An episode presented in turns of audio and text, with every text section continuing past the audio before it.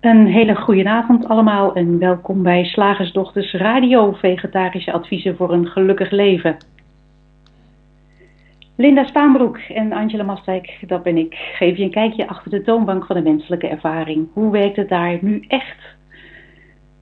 Wij maken gehakt van ingewikkelde concepten en fileren ook met liefde jouw probleem. En dat alles onder het motto: geluk mag het een onsje meer zijn. Ja, Linda, ben jij er ook? Ja, ik ben er ook. welkom allemaal. En ik uh, wilde op deze introductie van Angela graag nog even aanvullen um, dat je vanavond vragen kunt stellen. Um, vanavond gaat het zoals gezegd over de relatieverbeterformule. En uh, mocht je vragen hebben over dat onderwerp of mocht je vragen hebben over een ander onderwerp wat jouw geluk in de weg staat, laat het ons weten via het uh, Q&A-vakje wat je in beeld ziet op de pagina waar je op dit moment naar ons luistert. Uh, die vragen komen bij ons binnen en dan uh, zullen wij later in de uitzending uh, waar mogelijk je vragen beantwoorden. Vind je het leuk om ook live bij ons in de uitzending te komen? Geef dan ook je um, telefoonnummer erbij. Dan kunnen we je bellen om je daadwerkelijk in de uitzending te halen en live met je in gesprek te gaan. Nou, daarnaast was er nog een uh, kleine ander aspect wat we vorige week ook hebben besproken. Lijkt me nu ook goed om te doen. En dat is het feit dat, uh, we, um, dat het luisteren naar deze radioshow bij voorkeur iets anders gaat dan je luistert naar bijvoorbeeld een workshop of een training.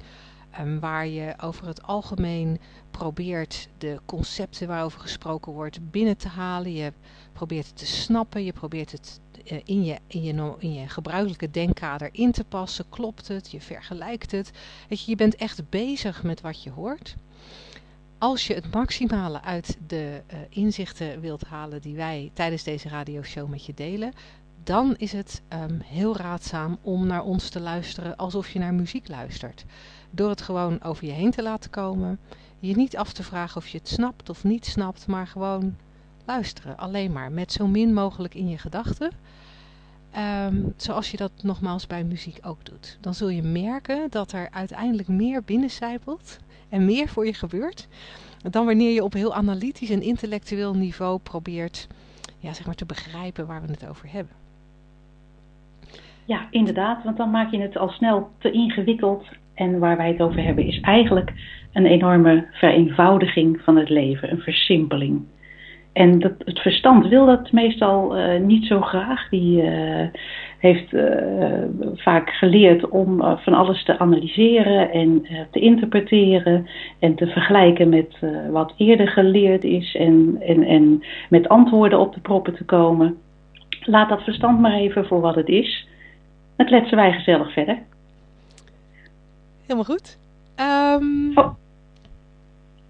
Over relaties. Het is even wennen zo. Ik zal even uitleggen. Wij zitten uh, op dit moment niet bij elkaar. Ik zit in uh, Engeland en uh, Linda in Nederland. Dus qua techniek is het eventjes wennen voor ons. Dus als er even een stilte valt, dan komt dat omdat wij elkaar niet aan kunnen stoten. Zeg jij nu eens iets? maar dat wij ook maar afwachten of de ander het stokje overneemt. Relaties, daar gaan we het dus vanavond over hebben. En hoe hou je die goed? Dat is leuk. Ik heb daar maandagavond toevallig ook een, een, een een praatje over gegeven op internet. En uh, wat daar vooral op de proppen kwam, was dat we over relaties zoveel ideeën hebben over hoe het moet zijn en hoe het eruit moet zien. En, en vooral van wat we verwachten ervan, van die ander. Ja, ja. Ja, dat is heel, dat is heel interessant. En mijn, mijn ervaring is ook dat um, de manier waarop we geleerd hebben met relaties om te gaan, dat daar eigenlijk al bijna het probleem uh, begint. Uh, mijn vriendin Mira die omschrijft dat altijd heel mooi. Die zegt dan van ja, ik maak eigenlijk een kleurplaat. Ik heb een, ik, ik, ik, ik heb een voorstelling van hoe iets zal zijn. En dat kleur ik helemaal in met de grootste details. En als vervolgens de werkelijkheid niet voldoet aan mijn kleurplaat, dan baal ik, dan ben ik boos, dan ga ik in de weerstand en dan gebeurt er van alles met me. En ik denk dat de relaties een van de dingen zijn waar we, de, waar we echt de mooiste en de meest interessante kleurplaten maken die je je maar kunt voorstellen. Omdat we uh, in mijn ogen heel veel ideeën hebben over hoe een relatie eruit hoort te zien. En Ik hoor je adem na adem happen als je, je wil invallen. nee, ga gerust verder. Ik, uh, ik leg straks mijn eitje wel.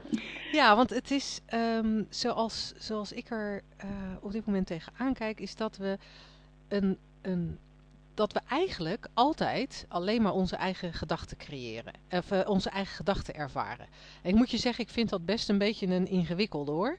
Uh, toen dat voor het eerst tegen mij gezegd werd, dacht ik, ja, dat is lekker makkelijk. Maar hij, hij staat tegen me te schreeuwen. of hij uh, laat zijn onderbroek slingeren. Of hij. En, en langzaam maar zeker ben ik gaan zien van ja, ik, ik, ik ervaar inderdaad mijn eigen gedachten. Want ik heb blijkbaar ideeën over hoe het hoort te zijn. Ik heb blijkbaar die kleurplaat op een bepaalde manier ingekleurd. En in mijn kleurplaat laat een goede partner geen onderbroeken slingeren. Doet een goede partner altijd X. Laat een goede partner altijd Y. En die kleurplaat is natuurlijk totaal irreëel, want die gaat ervan uit dat de ander altijd perfect en helemaal goed is. Um, en dat hij totaal kan voldoen aan wat ik heb verzonnen dat ideaal zou zijn. Wat mijn concept is over hoe het hoort. En naarmate ik meer ga zien dat ook, ook mijn gedachten over relaties eigenlijk alleen maar gedachten zijn. Die ik zelf bedacht heb en die dus helemaal niet per se waar zijn. Wordt het veel makkelijker om de ander gewoon te laten zijn wie die is en te laten doen wat hij doet. En me te realiseren dat als ik het er niet eens mee eens ben, dat dat te maken heeft met mijn kleurplaat. Nu jij. Ja, jouw kleurplaat. ja, tegenwoordig is kleuren voor volwassenen helemaal in. En de relaties zijn inderdaad een soort kleurplaten voor volwassenen. Ja, wat we vaak uh, als je in de bladen leest over relaties, uh, gaat het zo vaak over uh, wat het ons moet brengen. En wat, wat ik daar dan bij, bij zie, is dat alsof we in ons eentje nu dus niet helemaal heel zijn, alsof er nog iets ontbreekt. En dat moet dan iemand anders in een specifieke relatie, dus laten we maar even zeggen een liefdesrelatie, moet dat moet dat brengen. Als jij ook hoort hoe alle liefdesliedjes worden gezongen, dan gaat het helemaal niet over liefde die gedeeld wordt, maar over wat je van de ander nodig hebt. Hè? I need you to be of you complete me. En dat vind ik altijd heel interessant. En dan denk ik, Um, um, sowieso het concept uh, relatie vind ik al, uh, vind ik al iets wat, wat volledig uit de lucht gegrepen is en eigenlijk gewoon een verzameling uh, gedachten en verwachtingen is. Ehm, maar als je dan daarbinnen ook nog de gedachte toevoegt dat je zonder een liefdespartner iets mist, dan denk ik dat je dat eigenlijk volledig verzint. Omdat wij vanuit onszelf eigenlijk die liefde al zijn en die je dan als bonus met iemand anders mag delen. Mm-hmm. In dit geval een, een, liefdespartner. Hoe zie jij dat, Linda? Nou, ik, ik, daar ben ik het mee eens. Dat, dat, het, het, is inderdaad zo dat we ook, het, wordt ons ook geleerd op de een of andere manier. Dat, zei ik daarnet ook al, hè, van we hebben toch geleerd op een bepaalde manier naar relaties te kijken. En het lijkt inderdaad alsof je pas compleet bent in veel gevallen, uh, in, in veel denkbeelden, als je, als je een partner uh, hebt. Um, ja, dus, dus dat, dat ben ik helemaal met je eens. Um, waar ik zelf wel aan zat te denken, en dan, dan haak ik niet 100% in op wat jij zei, dus dat is niet zo heel aardig van me. Uh, maar ik zat te denken van ja, er is ook nog een heel, een heel praktisch een heel praktisch niveau bij die relaties, waar we volgens mij veel te weinig naar kijken. En waar George Prensky uh, in zijn, uh, een van de, van de, van de um, oude, getrouwe, ervaren drie principles teachers, waar hij in zijn boek The Relationship Handbook, dat uh, ergens deze herfst in het Nederlands vertaald op de markt komt, uh, in een relationship handboek geeft hij ook een aantal hele praktische invalshoeken van inzichten uit de drie principles op relaties. En, en daar zit dat aspect wat jij net noemde Angela van, van hè, het elkaar complementeren en, en terwijl je al heel bent. zit daarin, maar er zitten ook nog een aantal hele praktische aspecten bij. en dat, dat zou ik eigenlijk ook leuk vinden om daar even naar te kijken als je het goed vindt. Ja, natuurlijk. Praktische aspecten hoort er helemaal bij. Je bent samen, je brengt samen tijd door en dan gebeuren er dingen. Ja, en als, als, we, er, als we uitgaan van de stelling, van, hè, van het standpunt dat we, dat we van onszelf helemaal heel zijn. En dat we, dat we niks van buiten nodig hebben, of dat er niks van buiten is wat ons welzijn zal brengen, omdat het welzijn al in ons is. En dus dat het een misvatting is dat welzijn van buiten komt. Uh, als we dat even als gegeven nemen, maar je kijkt dan toch met wat praktischer ogen naar, uh, naar relaties, dan, dan haal ik uit het Relationship Handbook een aantal inzichten, en eigenlijk, eigenlijk een soort praktische handvatten, terwijl de drie principles niet echt van de, van de, van de handvatten is.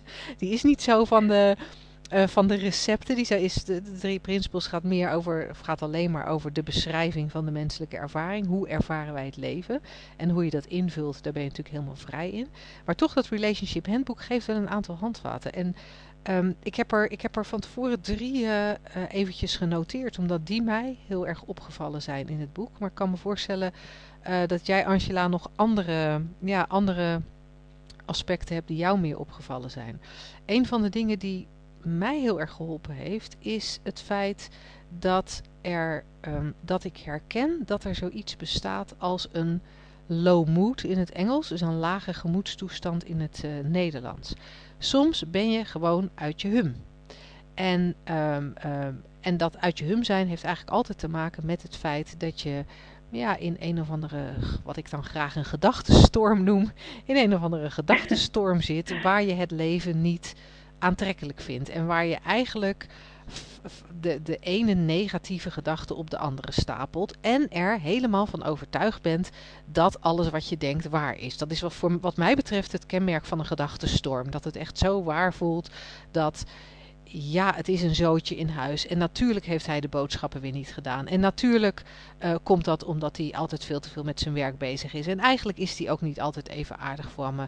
Voor me. En da, da, da, da, da, da. En ik stapel en ik stapel en ik stapel. En ik stapel dingen over mijn relatie, maar ik stapel ook dingen over mijn werk, mijn ouders, de buren, de maatschappij.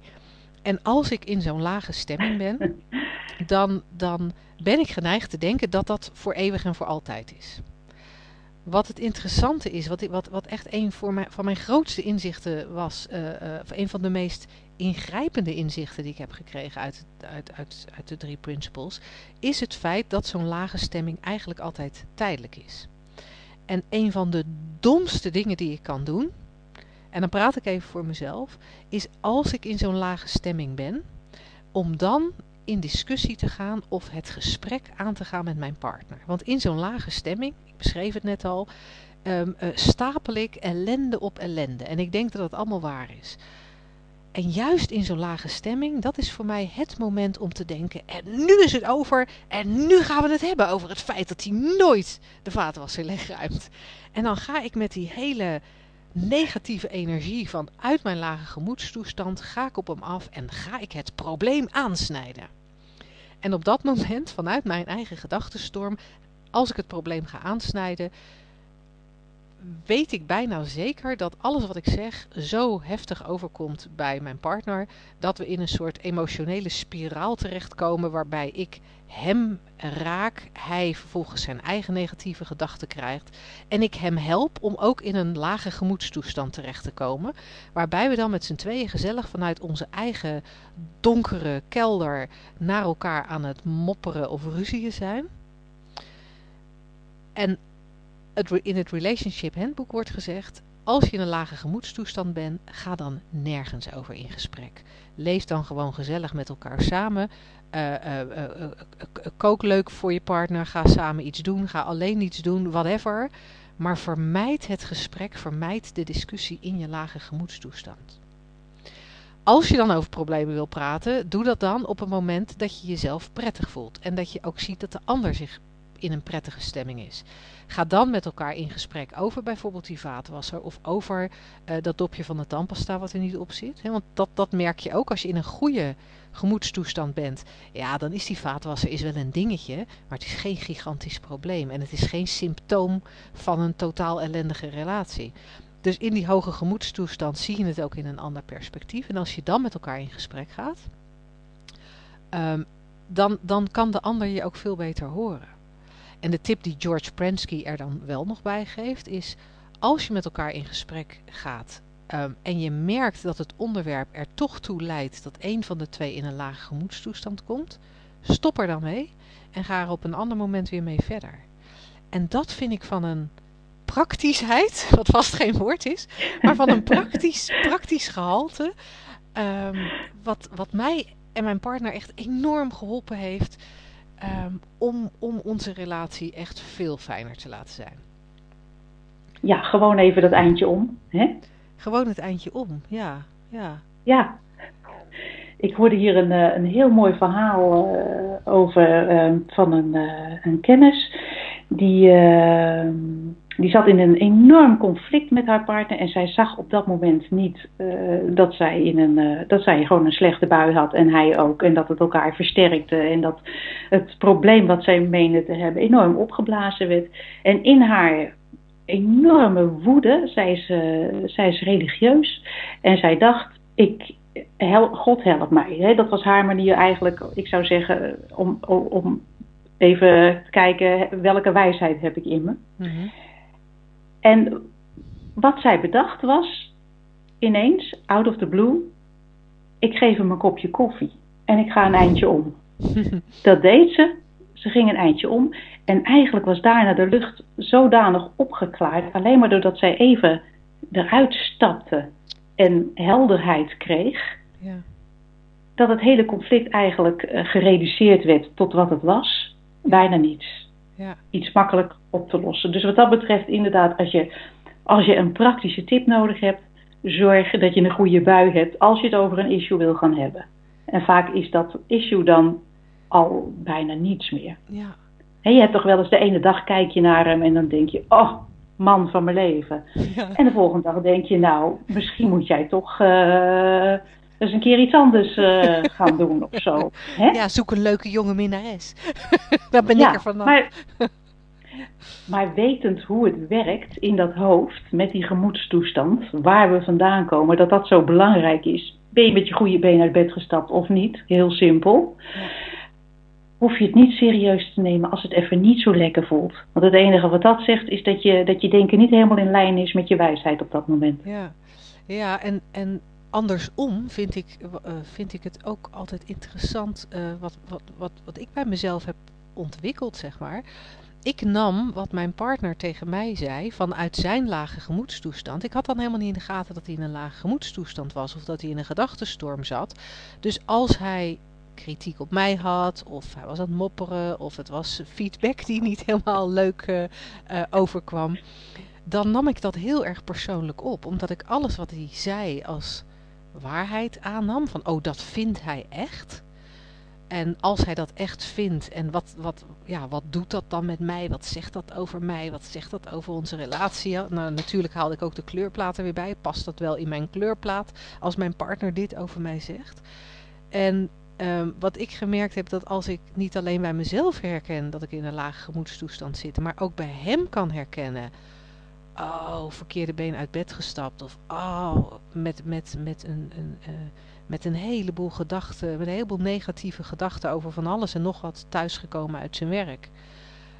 Um, ja, dus wat hij nu tegen me zegt gaat eigenlijk niet over mij, maar nee.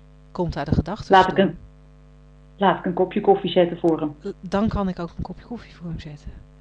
En, ja. uh, en, en desnoods ook tegen hem zeggen, hè, want wat wij, wat wij nog wel eens hebben, dat, dat als een van ons in een gedachtenstorm zit, dat we dan ook WhatsAppjes aan elkaar gaan sturen vanuit die gedachtenstorm. Daar krijg je hele lelijke, hele, hele rare WhatsAppjes van. En, en om dan tegen elkaar te zeggen, lieverd, ik geloof dat je in een gedachtenstorm zit.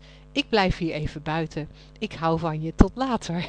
En dan gewoon even afstand nemen dat, dat, um, dat helpt enorm. En dan die andere, ja. gewoon maar even in zijn sop gaar laten koken. Of hij mij in mijn sop gaar laten ja. koken. Heel ja. erg prettig. Om je daar dan gewoon niks van aan te trekken als partner. En, en te weten dat een ander perspectief altijd beschikbaar is. Ja. als er weer eens een nieuwe gedachte opkomt. Ja, ja, want dat is het ook, hè? Dat er, dat er in, elk moment, in elk moment weer mogelijkheid is voor nieuwe gedachten, voor frisse, voor frisse input. En dat we dat vaak zo vergeten als we, ja, als we vastzitten op dat ene gedachtespoor. Uh... Ja, als we denken dat het allemaal echt waar is en dat er maar één perspectief mogelijk is. En, en dat denken we vaak als we dus in zo'n gedachtenstorm zitten, zoals jij dat noemt. Ja, dan, dan ziet de wereld er niet zo fijn uit en je partner ook niet. Nee, nee vooral hij niet. hij was toevallig in de buurt, dat was jammer. Ja. ja. Hey, um, Zullen we het voor nu even over relaties houden? Uh, uh, even hierbij houden. Um, ongetwijfeld komen we er in de toekomst nog op terug. En er is uh, inmiddels ook al een vraag die te maken heeft met de relaties. Dus later in de uitzending ongetwijfeld hierover meer. Ik zou heel graag overgaan naar het volgende onderdeel, als jij het goed vindt, Angela. Jazeker. De wetenschap. Tada, ik mis nog steeds de jingle. Slagersdochters, hoe maken we dat klaar? Wat zegt de wetenschap hiervan? Ja.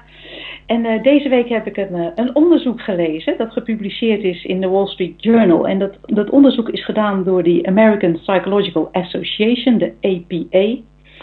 En uh, dat betreft een onderzoek uit 2013, dus dat is al eventjes geleden.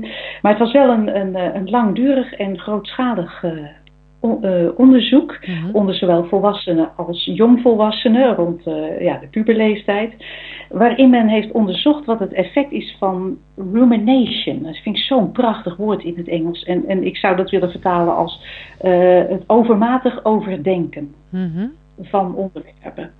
En um, wat men ontdekt heeft, is dat als je de neiging daartoe hebt, dus voortdurend uh, over een bepaalde gebeurtenis uh, denken, niet alleen voorspellend, maar ook vooral terugkijkend. Hè? Je hebt mhm. iets uh, meegemaakt op, op school of op je werk, iemand zei iets en jij had net even niet het juiste antwoord. Ik had het vroeger zelf ook, had ik maar dat gezegd. Ja, ik was ja. altijd briljant achteraf.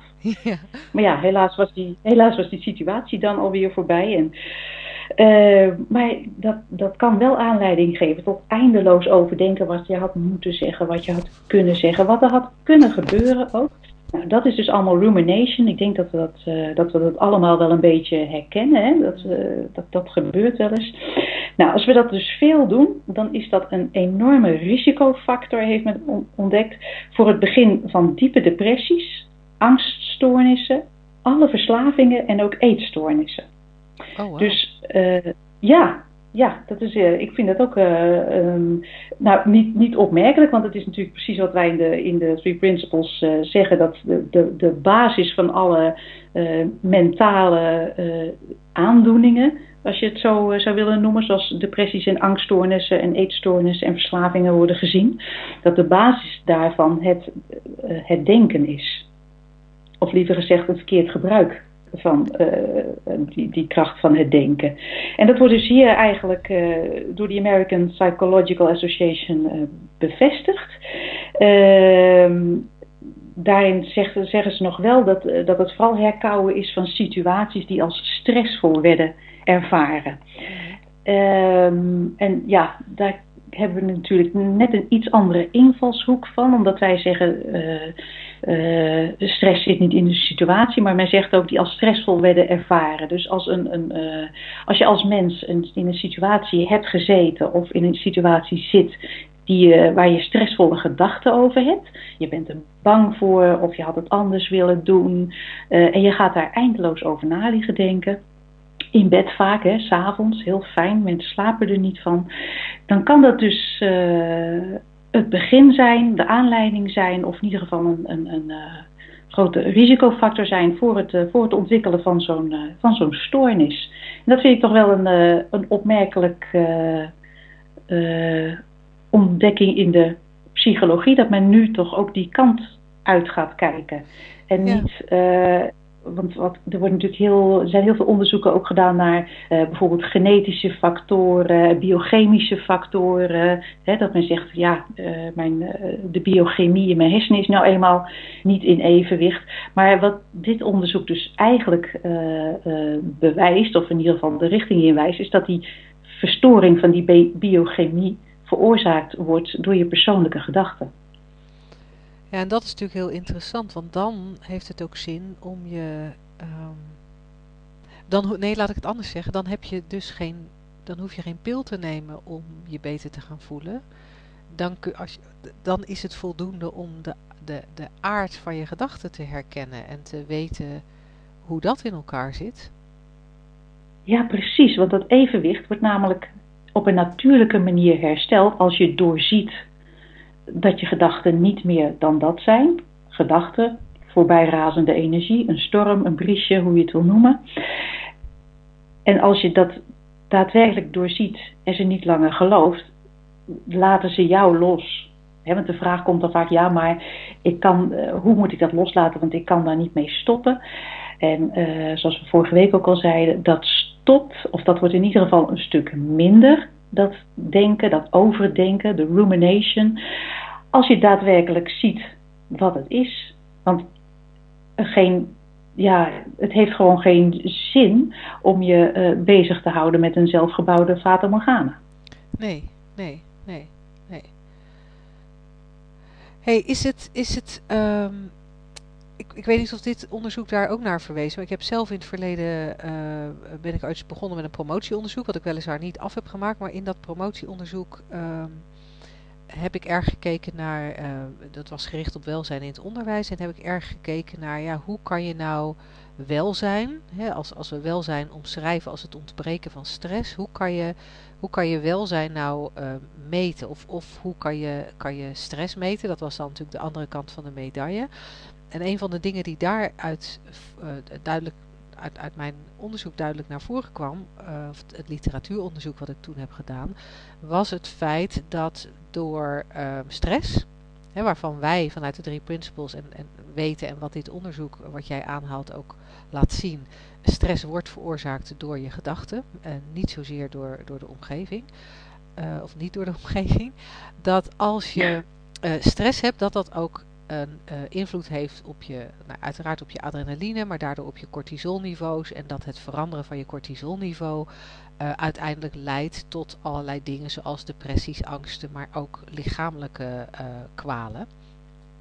zoals hart- en vaatziekten. Was daar in dit onderzoek ook nog een verwijzing naar of hebben ze dat er buiten gehouden?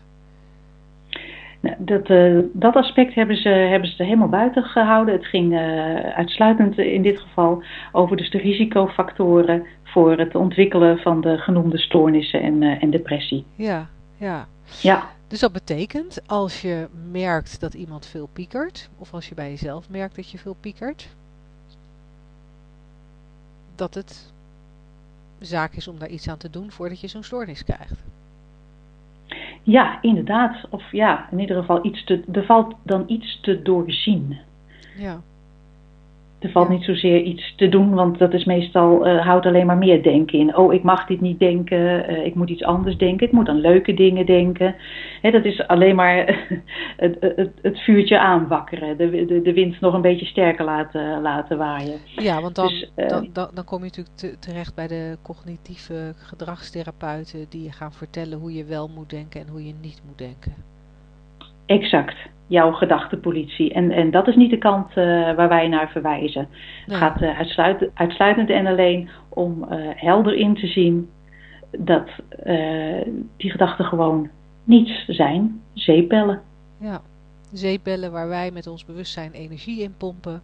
Daardoor gaan geloven dat ze waar zijn. geloven dat Ja. die zeepbel heel solide is. En, en, eh, ehm, ja, en er dan ook over door blijven piekeren. Hey, wat ik dan wel interessant vind is om... ehm, Oké, oké, dan, dan heb ik naar de radioshow geluisterd. En ehm, ik heb misschien ook zo'n aantal blogs op eh, eh, eh, onze websites gelezen. en eh, dus ik weet een beetje iets van die drie principles. Ik weet een beetje iets wat, wat van die gedachten.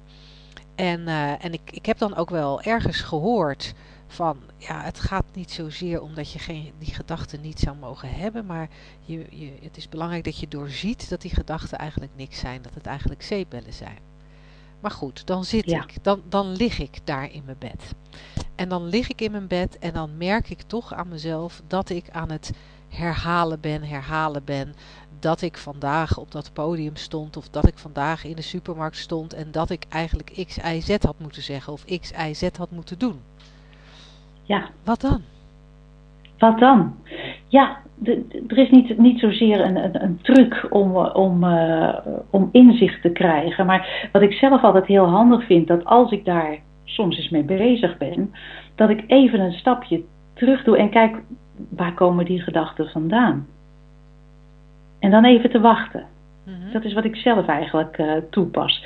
En, en als ik dat doe, dan, dan merk ik altijd, hé, hey, daar komt er een aan. En eh, doordat je een soort een stapje naar achter doet en achter die gedachte gaat staan, zo stel ik me dan maar eventjes voor, wordt het makkelijker om te doorzien, oh, daar is er weer één. Oh, daar is er weer één. Zonder dat je dus uh, je ermee identificeert, om nog even een uh, moeilijk woord te noemen. Zonder dat je uh, er heel veel, heel veel waarde aan hecht. Dus even een stapje terug. Waar komt dat vandaan? hey, dan ga je eigenlijk een soort waarnemen. Oh, er is er weer één. En weer één. En eigenlijk is dat bewuste van worden. Waar komt het vandaan? En als het ergens vandaan komt, betekent dat het niet dat het niet, jij dat niet bent. Want anders zou je niet kunnen zien dat het ergens vandaan kwam, als je begrijpt wat ik bedoel. Oh, wat interessant zeg. Dus even een stapje terug. Ja. Nee, er komt er weer een. Ja. ja. Oh, dat is heel cool. Want wat ik zelf altijd doe, en dat werkt soms wel en soms helemaal niet, is dan op dat soort momenten uh, uh, alleen maar tegen mezelf herhalen. Het is niet waar. Het, ik, ik denk het alleen maar. Dat voel ik nu niet zo. Maar het is echt het is echt bedacht. Ik voel het misschien niet, maar het is echt bedacht. En dat herhaal ik dan tegen mezelf. Um, maar ik moet wel zeggen dat sinds ik, naarmate mijn inzicht in de drie principles groter wordt, hè, naarmate ik vaker dit soort gesprekken heb, zoals nu met jou, um, en, en, en er meer over lees en er meer over hoor, um, de, de momenten waarop ik pieker, het zijn er veel minder. Heb jij dat ook? Ja, ja, dat, dat gaat eigenlijk vanzelf. Hè? Het is een soort, uh, als je daadwerkelijk doorhebt dat je jezelf aan het knijpen bent met die stressvolle gedachten. Of dat slaan in je gezicht wat je vorige week zei, ja. Ja, en iemand wijst jou daarop. Hè? Want je weet natuurlijk op het moment dat je dat doet en het niet doorhebt, weet je het niet. Maar iemand of iets wijst jou daarop, hé, hey, dat doe ik zelf. Ja. Ja, dan is het eigenlijk gewoon heel logisch om te op, op te houden met knijpen. Ja, ja. ja en... zonder, zonder dat zonder dat je daar denkt, nou, uh, zal ik dan iets minder knijpen? Of zal ik dan uh, uh, iets losser knijpen? Ja, of nee, ja, gewoon op een andere plek. Ja, ja, ja. dan doe je het gewoon dat weer. minder pijnlijk is. Ja, nou, en dat vind ik, dat vind ik zelf zo'n ontzettend mooie. Je, mag, je, je kunt niet zeggen dat het een belofte is van de drie principles, maar ik vind dat wel iets, iets heel hoopgevend van, um, van meer inzicht krijgen in de drie principles. Dat heel veel van dit soort dingen gewoon wegvallen. Uh, zonder ja. dat je er iets aan hoeft te doen, zonder dat je in therapie hoeft, zonder dat je nou eens uh, uh, heel zwaar in gesprek mo moet met mensen over wat er allemaal met je mis is omdat je piekert. Je gaat gewoon zien waar het vandaan komt. Ja, en, en je gaat inzien dat, dat de analyse onzinnig is. Dat dat, dat slechts alle analyse die in jouw hoofd plaatsvindt over een situatie, over een ander uh, dat dat alleen maar de, de, ja, het omschrijven of, is van, je, van jouw Vater Morgana of het ja. graven in je Vater Morgana. Het bestaat niet, dus je hoeft er niets mee. Wat een rust. Cool hè? Wat een rust. Heerlijk. Linda, hebben wij een, uh, een vraag binnen? Ja, we hebben een vraag. Ik zoek hem even erbij. Uh, kijk even gaan of we inmiddels zo over in, nog, in de volgende onderdeel. er zijn twee vragen. Um, laten we beginnen met de, de eerste. Uh, beide hebben geen telefoonnummer genoemd. Dus ik neem aan dat zij uh, geen, uh, niet met ons live in de uitzending willen. Um, de eerste vraag is van Sandra. En Sandra ja. zegt, ik loop steeds tegen een enorme boosheid op, omdat mijn grenzen steeds worden overschreden. Ik maak afspraken met mijn ex over onze zoon, die elke keer weer worden veranderd, vergeten of aangepast. Ik zeg steeds ja, terwijl ik van binnen eigenlijk nee voel. En dat ik daarmee wil stoppen, maar dat heeft weer gevolgen voor mijn zoon. Die ziet dan zijn vader weinig of niet. Ik ga dan steeds weer akkoord, terwijl ik van binnen voel dat ik een grens moet trekken, maar voel me dan weer ontzettend schuldig. Ik blijf zo in het verwijt en ik wil daarvan af. Ja, dat klinkt inderdaad als een hele grote, wat ik voor me zie is een hele grote berg die er heel stevig uitziet.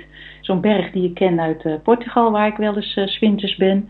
Maar die dan als je heel dichtbij kijkt, uh, zomaar af, af te brokkelen materiaal, uit af te brokkelen materiaal blijkt te bestaan. Mm -hmm. En wat ik hieruit proef is ook allerlei gedachten over verwachtingen, hè, afspraken, verwachtingen, niet nakomen, wel nakomen. En ik denk als je in, in, in deze situatie, zonder op de situatie in te gaan, want die, uh, daar vinden we nooit het antwoord. Dat is ook het mooie. We vinden in de situatie nooit het antwoord, want de situatie zoals wij die zien, is, uh, zijn de gedachten die we in ons hoofd hebben. Dus uh, wat we moeten doen is natuurlijk even een, een stapje terug. En dan kan het zomaar zijn dat je ineens nee zegt en een grens trekt, maar zonder de boosheid. Dat is wat ik zelf uh, gemerkt heb, dat ik. Uh, want nee zeggen was voor mij vroeger ook altijd een dingetje, vond ik nogal ingewikkeld, omdat ik rekening wilde houden met iedereen, iedereen te vriend wilde houden en ook allerlei andere omstandigheden betrok in mijn overwegingen. Dus dat is wat, wat Sandra zegt, de ja zeggen en de nee voelen.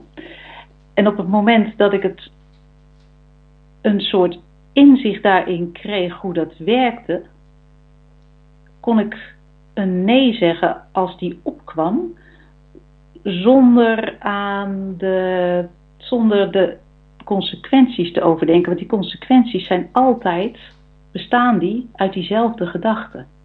Want je weet namelijk nooit wat er gaat gebeuren. En dan kan er in, in mijn geval, en ik, ik, ik, ik werk niet anders dan andere mensen, we zitten allemaal hetzelfde in elkaar. Zonder al die overdenkingen en rekening houden met, zonder al die gedachten eromheen, kan het ineens zijn dat er een rustige nee in je opkomt. Mm-hmm. En dat daarna alles anders wordt. Ja, en ik had daarbij, uh, ik kom natuurlijk vanuit een andere ervaring en, uh, dan jij en heb daardoor misschien ook net even een andere invalshoek. Dus ik vind het heel leuk dat jij inderdaad ingaat op het, um, ja, het, het, het moeite hebben met grenzen stellen wat Sandra uh, aangeeft. Als ik Sandra's vraag lees, uh, dan komt er iets anders bij me op, wat niet beter is, niet slechter is, hè? want het zijn ook maar weer mijn gedachten. Um, maar als ik, als ik er puur vanuit drie principles perspectief naar kijk, en dus net als jij even, even niet meega in de inhoud en geen oordeel vel over de inhoud. Wat ik dan zie is een, um, een, een vrouw die gedachten heeft over een man. En die gedachten heeft over hoe een vader zich hoort te gedragen die gedachten heeft over hoe, uh, hoe de relatie tussen een kind en een vader zou moeten zijn.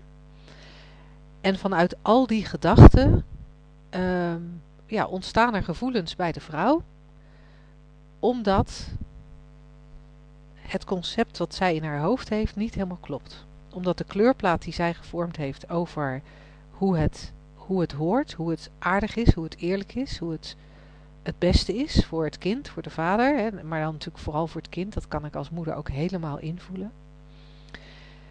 En wat ik, wat ik interessant zou vinden, maar wat, ook, wat ik me voor kan stellen dat heel moeilijk is.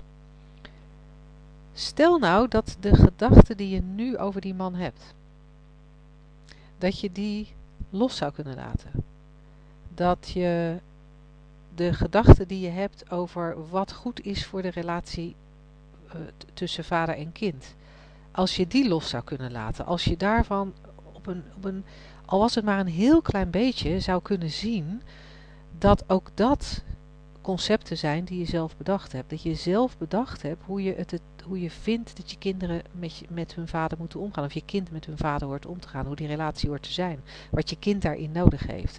En, en ik zeg het en tegelijkertijd weet ik als moeder dat ik natuurlijk ook die concepten heb over hoe ik vind dat het hoort te zijn voor mijn kind. Dus ik hoop, Sandra, dat je dat, dat, je dat kunt horen in wat ik zeg. Dat ik, dat ik niet een oordeel vel over dat je, hè, dat je het anders zou moeten zien.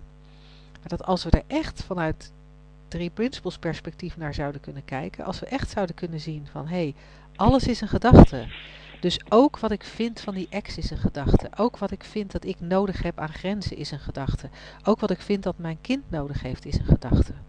En als, als je daarmee zou kunnen experimenteren, een gedachte-experiment bijna, als je daar zo'n beetje over zou kunnen mijmeren of in die richting zou kunnen kijken, dan kunnen er ook dingen verschuiven. En misschien komt daar dan wel die nee waar Antje het over had. En misschien gebeurt er wel iets anders. Dat is vaak heel moeilijk voorspelbaar. Misschien is de nee niet eens meer nodig. Komt er een hele grote ja. Dat is ook inderdaad uh, niet. Uh, ik denk dat we qua invalshoek niet eens zoveel uh, verschillen, Linda. Want het is inderdaad één grote berg met concepten en gedachten. En ik snap hem ook hoor.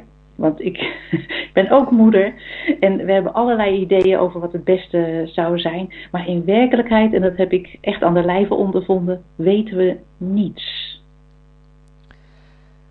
En als we dat open kunnen laten, dan kan er een nee opkomen of een ja. Dat is inderdaad niet, uh, uh, niet voorspelbaar. Maar wat ik wel weet is dat uh, wijsheid het over zal nemen.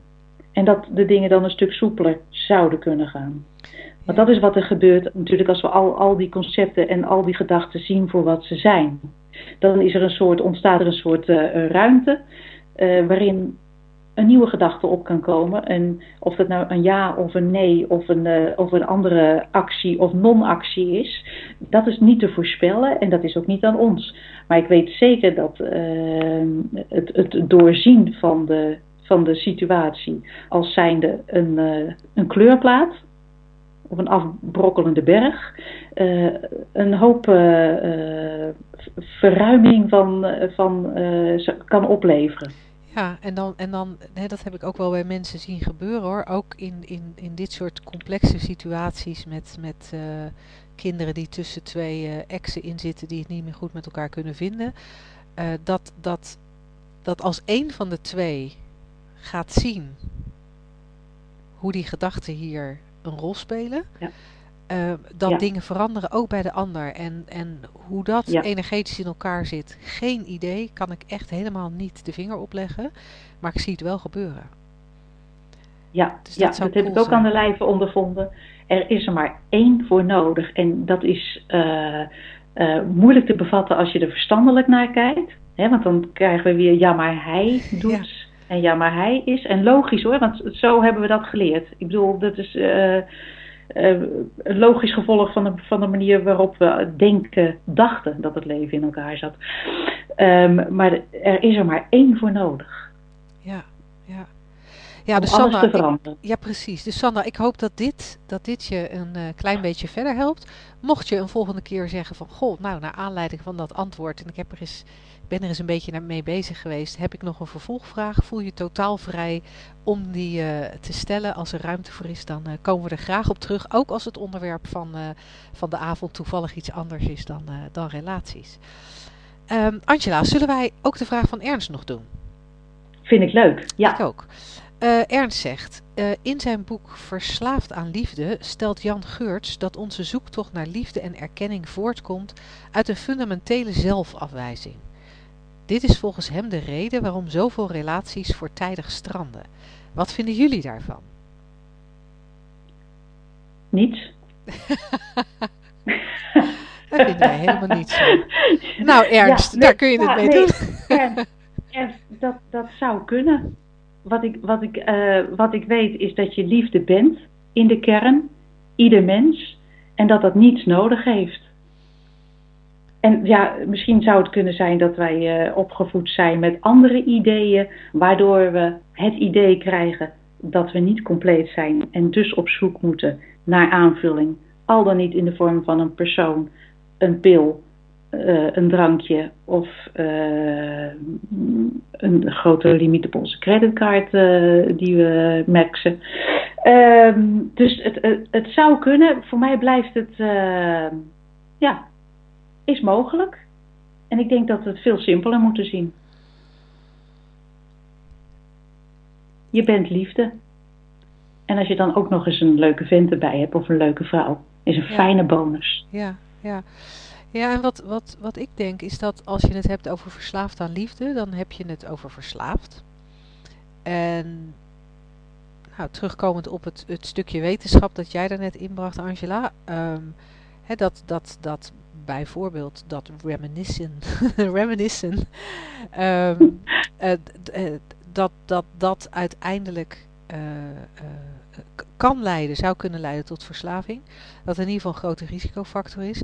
Ik denk dat, dat het um, veel gedachten hebben over jezelf en veel twijfel hebben over jezelf en moeite hebben om een goed gevoel te krijgen, uh, dat dat de basis is van alle vormen van verslaving.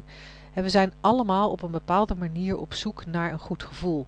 En hebben ergens in ons leven de misvatting opge opgedaan dat een, een, een goed gevoel bij de er van iets vandaan komt. Hè? Zoals jij net al aangaf, van, van ja. veel geld, van een, een geliefde of wat dan ook. En iemand die de neiging heeft tot verslaafd zijn aan liefde en daar op een ongezonde manier uh, zichzelf uh, wegcijfert. Um, uh, of alles laat draaien om die partner. Ik weet niet helemaal precies wat de definitie van, van liefdesverslaafde, liefdesverslaafd in dit boek is. Um, maar dat heeft eigenlijk altijd te, te, te maken met het goede gevoel buiten onszelf zoeken. En ja, dan zou je kunnen zeggen Um, als je geen goed gevoel hebt, dan komt dat om, uh, in, in jezelf, dan komt dat omdat je te weinig zelfwaardering hebt. Zou kunnen, maar zelfwaardering of gebrek aan zelfwaardering is volgens mij ook niks anders. Uh, of hij, hij, noemt het zelfs een fundamentele zelfafwijzing. Is niks anders dan een hele grote gedachtenstorm over jezelf. Een hele. Ja, ik geloof namelijk, ja. Ja, ja, ik ja, geloof niet dat we, ja, omdat je het woord fundamenteel gebruikt, dan, dan, dan zou je kunnen, uh, dat zou je kunnen uitleggen als daar worden we mee geboren. We worden geboren met een fundamentele zelfafwijzing. En ik denk niet dat dat zo is. Ik denk dat, uh, dat we geboren worden als helemaal heel en onszelf en li in liefde. En dat die, die afwijzing vindt plaats in de opvoeding, maar dat heeft eigenlijk niet zoveel met ons te maken als met uh, de manier waarop we opgevoed zijn. En de mate waarin wij dat geloven, dus uh, jij bent nu niet goed genoeg, want uh, je ruimt je speelgoed niet op.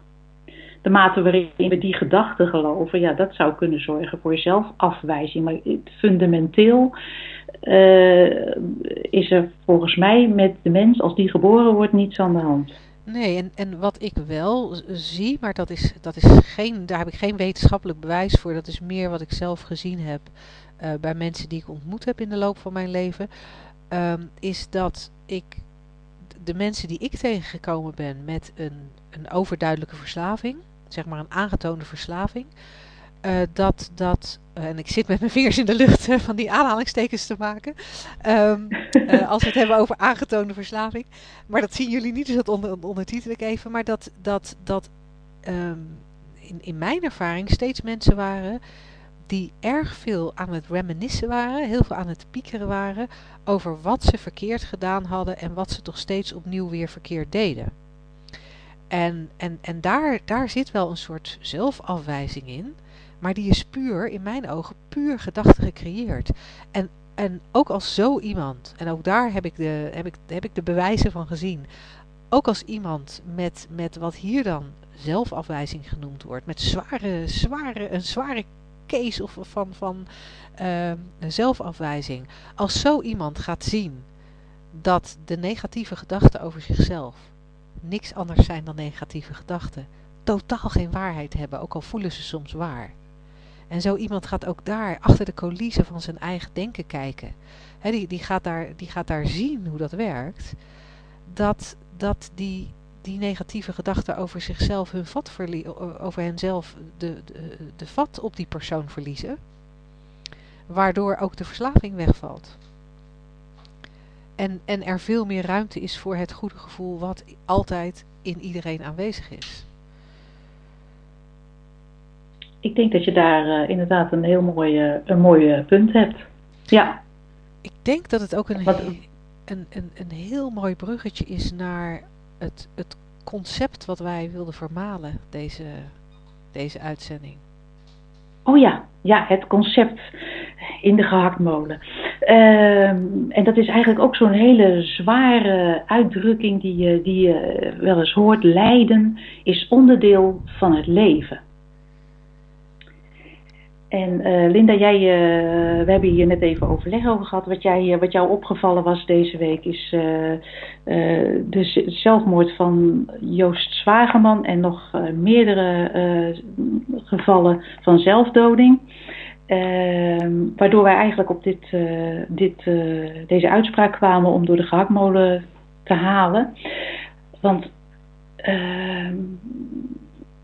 ehm, het, lijden is onderdeel van het leven. Dat is namelijk iets waar ik, niet in geloof. Ehm, maar blijkbaar is het algemeen geloof daarin wel zo groot dat mensen denken dat zij hun leven moeten beëindigen, omdat lijden daar een, een, een onderdeel van is. Uh, en eigenlijk, zoals ik het zie, wil een mens nooit van het leven af, maar van het lijden daarin. En als je kan zien waar het lijden vandaan komt, van dus een, overtuig, een geloofde overtuiging, een geloofde gedachte, die pijn doet, mm -hmm. dat dat enkel en alleen daar vandaan kan komen, vanuit jouzelf, uit dat hoofd, dan is er eigenlijk uh, met dat inzicht geen reden meer om het leven te beëindigen. Snap je wat ik bedoel? Ja, ja, ik snap wat je bedoelt. En als ik het, als ik het nog even op een iets andere manier mag formuleren. Een van de dingen die een van mijn drie principles leraren um, op een gegeven moment... Um, ja, die, die, dat vrij streng tegen mij zei. Die zei van ja, um, je neemt je gedachten wel heel erg serieus. Je gelooft wel heel ja. erg in alles wat je denkt. En je denkt ja. ook vervolgens dat je daar iets mee moet. En, ja. en zij zei tegen me, en dat heeft ze me uiteindelijk heel duidelijk kunnen maken, van zo'n zo, zo, er kan in je opkomen wat er in je opkomt, maar je hoeft er niks mee. Je hoeft er niet over te, na te blijven denken, je hoeft het niet serieus te nemen. Um, je mag het opmerken en gewoon voorbij laten gaan. En waarom, vroeg ze toen ook aan mij, wat is er zo interessant aan deze specifieke gedachte, dat je hem alsmaar beetpakt en er alsmaar van alle kanten naar gaat zitten kijken en, en, ja, en, en dat eigenlijk een soort van de reden van je bestaan maakt. Of de, de reden van je bestaan niet, maar zeg maar de, de, de zon waar alles omheen draait. Alleen in dat geval is het natuurlijk niet echt een, een zonnige gedachte, maar het hele leven draait nee. om die ene gedachte. En, en elke keer als die voorbij komt, oh ja, en oh shit, en oh, en, dan, en, en er dan in meegaan. Ja, precies. Want ja, zoals ik het zie, is, uh, zijn, zijn sombere gedachten. Want ja, ik neem aan dat zelfmoord volgt op een periode van sombere gedachten, een sombere periode. Ik heb nog nooit iemand die fluitend door het leven ging, daadwerkelijk fluitend, hè, niet, niet oppervlakkig, maar daadwerkelijk fluitend door het leven ging, uh, graag dood zien gaan. Uh, zoals ik het zie, zijn die uh, depressieve gevoelens alleen uitsluitend en alleen een seintje. Hé, hey, waar zit jij met je gedachten? Die zijn niet in lijn met wie je werkelijk bent. Ja. Ja, en dat... En, en je dat, hoeft er dus niets mee. Nee, en dat was voor mij ook de brug met, met waar we eindigden uh, met ons antwoord op de vraag van Ernst. Is dat, dat in elk van ons zit die glanzende kern die gewoon goed is, dat welzijn, dat mooie. Uh, maar op de een of andere manier zien, zien we het soms niet. Zien sommige mensen nee. het helemaal niet meer. Nee, dat is zo'n mooi voorbeeld van, van de diamant, de paardenpoep en de nagellak. Ja, ja.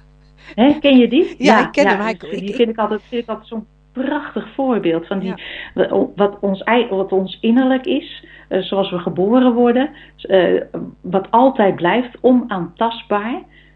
Dat is die diamant. Dat, dat is wie we werkelijk zijn. Die is stralend, schitterend en, en niet te raken. Ja, niet Dan krijgen we in de loop niet kapot te krijgen. In de loop van ons leven krijgen we dan allerlei dingen aangereikt die we gaan geloven. We zijn niet goed genoeg is natuurlijk een hele grote. Dat is de paardenpoep. En die gooien we over de diamant heen. En soms zit er zoveel paardenpoep over je diamant heen dat je de diamant niet meer ziet.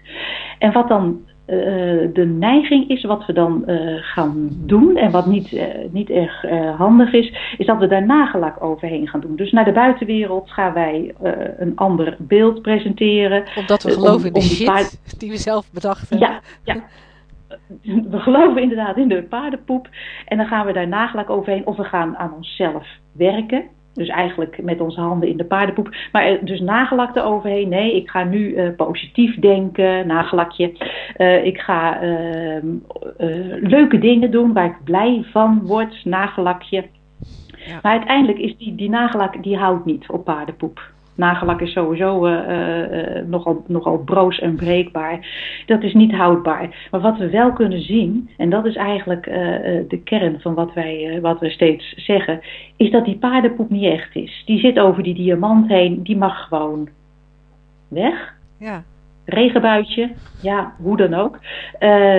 Die paardenpoep die mag eraf en die diamant die is nooit aangetast. Die zit nog even schitterend daaronder. Ja. Wat je er ook overheen gedacht hebt. Ja, ja, en om in, in, mijn woorden te zeggen, als je niet meer in je eigen shit gelooft, dan zie je, dan zie je de diamant in jezelf.